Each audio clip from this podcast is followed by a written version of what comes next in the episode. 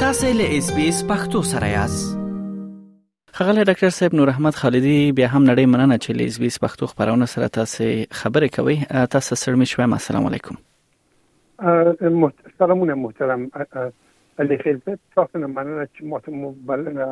ورکړي سلام چې تاسو په پروګرام کې موجود یم او اوریدونکو ته هم سلامونه وړاندې کوم علیکم سلام ډیر زیات مننه خالص محترم تاسو په دې ورځو کې ډیر زیات رسنیو کې هم را سرګندېږي او ډیر ښه معلومات تاسو البته د افغانستان په سیاسي وضعیت باندې شریکوي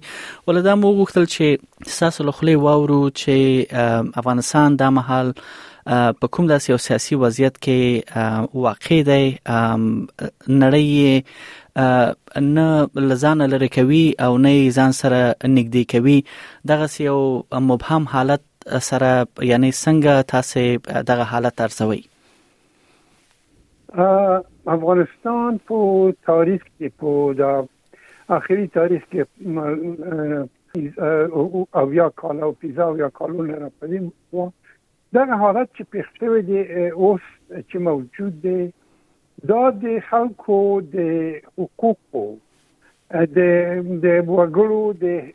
انساني حقوقو اسلامي حقوقو او بشري حقوقو له امله ډېر بد حالت دا وګړي هیڅ نه سیاسي حق لري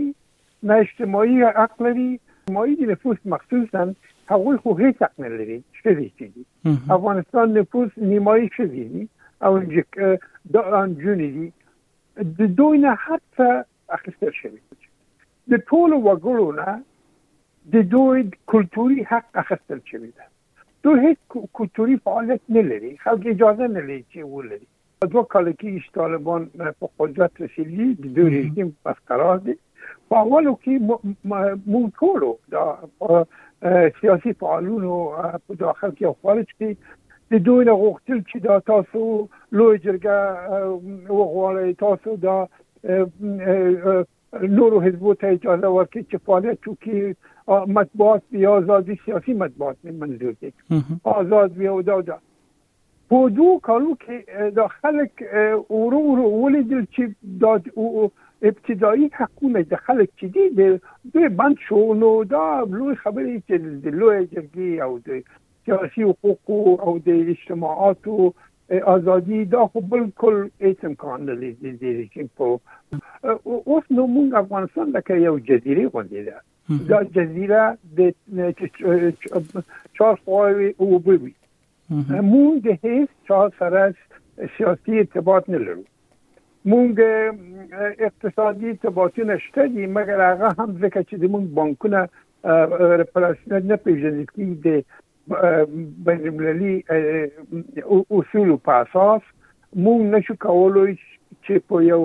یو سمه یو د نننی نړۍ د اصول په اساس اقتصادي اړیکې ټینګ کو نو موږ حتی اقتصادي اړیکې د نورو د ګاونډیو سره د یو ابتدایي اقتصاد په اساس کیږي مونږ تاجر نشي کولای چې خارج نه مواد وغوړي لیتراف کولیتونه او بانکونو کې افتتاح کی پیسې ولیږي پیسې بیرته راشي په بانکونو دا دا دا د منځ لارو لکه چې دا بانکونه په رسمیت نه پیژني په دې دوه کالو کې د افغانستان خلک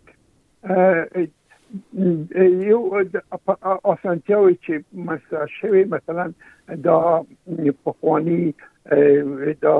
جنگ سالان چې ورته وي دوی د منځ لاړو د دوی د جزيري د قدرت چې د دوی د مسدا د خلکو د اندېښنې وړ خلکو باندې دا فشار او دا شکر د منځه لاړو د دوی د دې په اساس دا خلک د طالبان نه وی امتیاز ورکوي مګر او بل دا چې فساد اداري چې ډیر موجود وو په پخوانی رژیم کې د داتې غربي هیوادونو لخوا نه دا فساد هم دا معرفي شوی دلته دوی غوښتل چې زما په نظر دا دی چې دا غربي یادونه امریکایان دوی غوښتل چې دلته یو طبقه ایجاد کړي یو طبقه د سرمایدار ډېر لوی سرمایدارونه ایجاد کړي چې هغه د غربي اقتصاد په اساس دا مملکت اداره کړي او چې د دوی اختیار هم د غربي هیوادونو په لاس کې وي دوی په دې موافق شو دوی په دې موافق شو موږ په داشلو کال کې دا ولیدل چې یو یو یو تعداد چې یو قوم پر اعتماد نه لري ټول قومونه پر اعتماد نه لري دا د افغانستان اقتصاد د دوی پلاس کړه یو څو تنو پلاس کړه او د دوی دا دا هدف د غربیانو عملی شو اوس نو په دې موجوده حالت کې دا د طالبانو دولت چې د حکومت چې د رژیم چې دی دوی بعضی کارونه د اقتصادي کوي چې هغه خلک ته خوشحالي لکه د خوشتوي کانال چې دی لکه دا سرکونه چې جوړي وي دا ډېر ښه کارونه دي مګر په یو مملکت کې چې نیمایي نفوس د حقوق نه منوي دغه دا کارونه بیا هیڅ معنا نه لري صحیح چې ته بله که ته غواړي چې اقتصاد خشي خو د خلکو لپاره غواړي کنه خلک باید ور باندې خوشاله وي واقعا خالد صاحب محترم استفاده وکړي بالکل خلای صاحب محترم ډیر مهم ټکی ته تاسو اشاره وکړه چې هر څه کوي خلکو ته کوي نو د خلکو حقونه باید خوندي وي بل زه به یو شی ته اشاره وکم خالد صاحب محترم سو وخت مخه ما له زبی الله مجاهد سره هم یو ځنګړ مرکه درلوده په غي مرکه کې دغه د حقونو موضوع باندې ما یو سره س پافشاری وکړه او غوښتم چې یو دریزي واخلم یو څه چې ما نه وی ووریدل لغوینه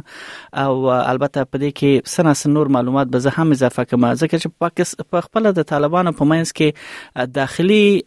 اختلافات او په ځینو مسایلو باندې د غوي اختلافات ډیر زیات څرګند دي البته د خزو د حقوقو اشاره تاسو وګړه چې نیم نفوس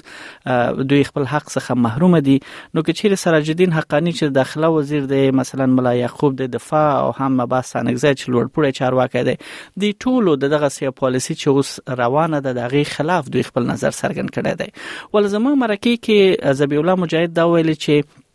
مونږ چې زمونږ دا تحریک چې جوړ ل هغه سه یعنی د پردې شاته علما او څخه او زینو ملاتړو څخه دی هغوی دغه سه یو دریز خلاف دی او موږ نه غواړو چې د غوی د خوخي خلاف عمل وکړو چې هغه بیرته زمونږ نظام را نسکورنه کی نو دغه سه یو حالت تاسو د دوی په خپل ماینس کې تاسو څنګه ارزوي او دغه حالت د وټو لارې سره بله زه په دې پوهېږم چې د دوی په منځ کې اتحاد موجود نه دی وحدت د نظر موجود نه دی د طالبانو د د حاکمیت په ساختمان په په په اکثر باندې مونږ هیڅ نه پوهیږو بله زه ګومان نکوم چې دا زویلای مجاهدین په پرې پوښي پوهیږي چې دا غد قدرت ساختمان څنګه ده د چا په لاس کې قدرت دی او دا د قدرت د کوم ځینه مشروعیت حاصلوي کوم آیا دا یو سړی دی که یو شورا ورسره ده که شورا ده آیا په دې شورا کې دا دا کسان لکه لکه چې دا نمونه موخصل دا شام دو شامل دي کنه دي لکه زبیب الله مجاهد پکې شامل دي کنه دي ځکه چې دی مونږ ته داسې ښودل کېږي چې دا خلک ضرب الله مجاهد غوندې دا خلک هماغه خلک دي چې دا هغه ګروپ چې په دوه کې خبرې کولو د هغوی خبر خبریال دي او تر اوسه پورې په هماغه سمت پاتې شوی دی اصلي قدرت به بل چا سره دی او دوی دوی ترې خبر نه دي چې هغوی څه غواړي او څه پلانونه لري موږ نه پوهیږو چې دغه د طالبان خو دوی خو حتی د افغانستان د خلکو د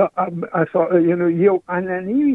روح چې دغه جرګه ده کنه دې ته هم دوی هیڅ اهمیت نه ورکوي بل بیرته خلیل سه محترم ډیرو بخیر چې تاسو خبره مقطع کړل تاسو بیرته هم دغه د ډیر یو مبهم حالت او بیرته تاسو هم دغه سوال راګرځي چې ک دوی د اجازه نه ورکوي نو معنا دا ده چې د قدرت هغه شاته چې جوګه چا په لاس کې دی هغه معلوم نه دی نو همغه ویره لوجه نه کېدای شي دغه سه دوی هیڅ د زمينه برابر نه کی تر څو چې دوی خپل دغه سختار روخانه نه کی خالد سه محترم زبا بیرته هم دغه مسلې ته البته تاسو ډیر ښه ټکو ته پکې اشاره وکړه دغه یو حالت سره چې افغان ملت مخ دی او د افغان ملت تاسو 50% نفوس ته اشاره وکړه د غي ترڅنګ تاسو یعنی حد اقل یو یو دیرش نه تر 30% نور نفوس هم هغه ته ناراضه بریخي البته په چې سختار یا برخه د حکومت نه دی د دوی په خلاف باندې تر اوسه پورې ولې داسې یو منظم تحریک نه د افغانستان دننه او یا بیرون څخه شروع دی تر څو دوی د خلکو له قدرت ویرنه دوی د ته ارشي چې هغه خپل په دریزونو کې یا بدلون راوړي یا روښانه کی خلک ول خاموش دي خبره دا و چې موږ په تیرو څلويختو کالو کې په جنگ اخته او دا دا د جزیرو د قدرت هر هر محل کې پاچاهي چلوله البته ضروري چې د نمونه واخلم د موږ خو د مجاهدینو جنگونو خبر یو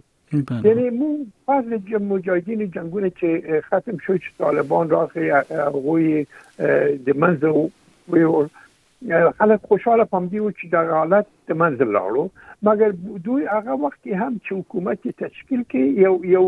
یو بی استراکچر حکومت وو یو حکومت چې تر اخره پورې په پیسو کالو کې په اول پویدو چې دوی د قدرت استراکچر څنګه دی آیا شورا د په شورا کې کوم کسان موجود دي رپراس کې کوم دا شخص چې مولا عمر شو څنګه خپل د خود د کوم د چان اخلي چې مشروعیت دې چان حاصل کړي او اوس هم هماغه موضوع روانه ده موضوع دا ده چې اوس خلک خوشاله دي چې آرامش راغلي دي بیا آرامش راغلي دي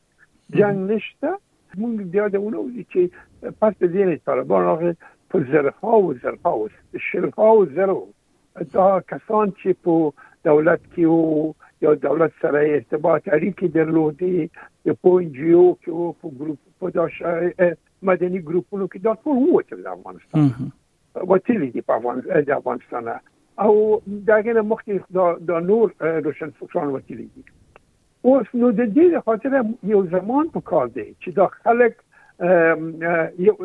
یعنی یو گذری دا موقتی زمان دی اوس چې طالبانو دغه ډېر ښه ګټه اخلي د خپل ځان په مفاد کې مګر دا دوام نه مودي مګر موږ فراموش ونه کړو چې د پښتانه د پښتون انټلیکچوال پښتون روشن فکر کسان د قدرت نه باید مونږ تیروتنه ونه کو تاسو ولې چې د چې د تزي چې قدرت راغی په هغه وخت کې ټول قدرت د شمالي تل پاتې په لاس کې وو مګر په شلو کالو کې موږ ولید چې په تدریج سره پښتانه روشن فکران بیرته د قدرت په لاس کې واخیسته څلور انتخاباتو کې دوی وګټل نو څنګه په آزاد چې خلکو ته حق ورکړل شو دوی وکټل او په سیاست کې داخل شو په نظام کې او په عسکري کې په هر کې اوس هم دی زما امید پښتانه د روشنفکرانو باندې ده چې دغه طالبان هم چې دي دوی په منځ کې دا ناراضي کسان چې دي مونږ به ورځ ووینو په نږدې وخت کې مې څو کاله به وخت ونیسي زما امید دا دی او زه په دې باور لرم چې پښتانه روشن فکران به دغه نظام د داخل نه تغییر ورکړي صحیح ډیره مننه خالد صاحب محترم زکه چې واقعا چې ډیره ساحه پراخه ده او ډیر زیات معلومات تاسو هم د شریکوي ول دغه ورسې پښتنه به زموي او غواړم چې لاند جواب له تاسو نه واخلم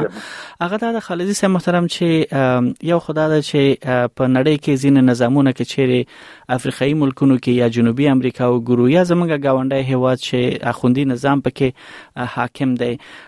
ځینی وختونه نړۍ قدرتونه د خپل منافع په نظر کې نیول سره لاغوي سره تعامل کوي او هغه سره نږدې کیږي او هغه په مغه شرایطو قبلوي نو تاسو فکر کوئ چې افغانستان چې په داسې موقعیت کې قرار لري چې دوه بلاکونو مینس کې البته دای دای چې د خو د چین او د روسي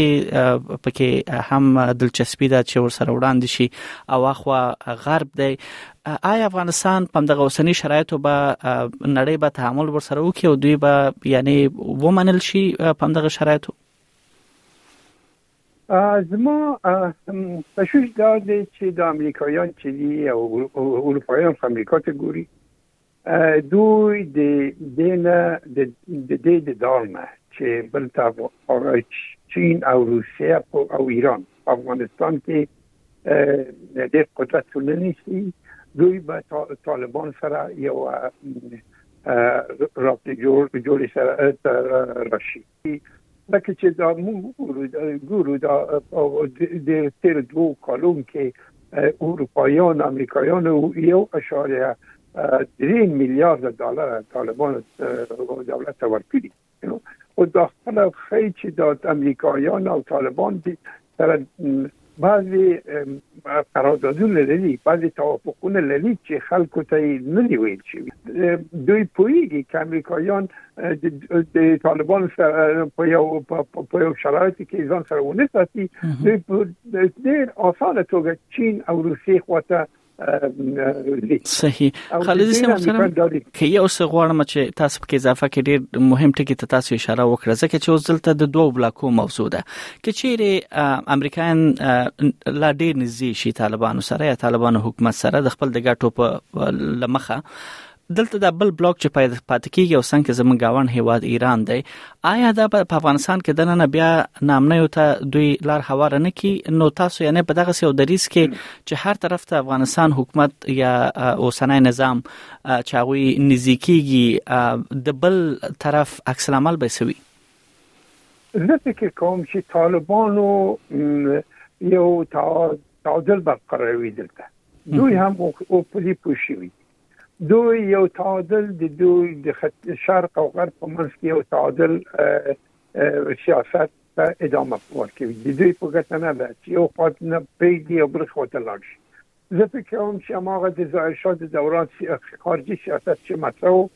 هماغه بیا بیرته طالبانو به هم هماغه ته ادامه ورکړي که تاسو په یاد وي په د ظاهر شاه په وخت کې که د کابل پوهنتون امریکایان لخوا نه جوړ شو پولیتخنیک کابل د روسان لخوا نه جوړ که سرک د کابل او قندهار د امریکایان لخوا نه جوړ شو سرک د قندهار تر هرات پورې د روسان لخوا نه جوړ شو ده هم کم ده هلمند پروژه که ده امریکایان لخوانه شو ده ننگرهار پروژه ده روسان لخوانه شو دغه زه فکر کوم چې طالبان هم په دې پوه شوي دي چې دغه اوس د دوی په ګټه چې هم دغه سیاست ته دوام ورکړي او د دې او دا معنا دا لري چې ضرور نه دي چې دوی لا چې دلته سفارتونه اوپن کړي یو بعض قنصلګرۍ به اوپن کړي چې د دې منافع وساتي بس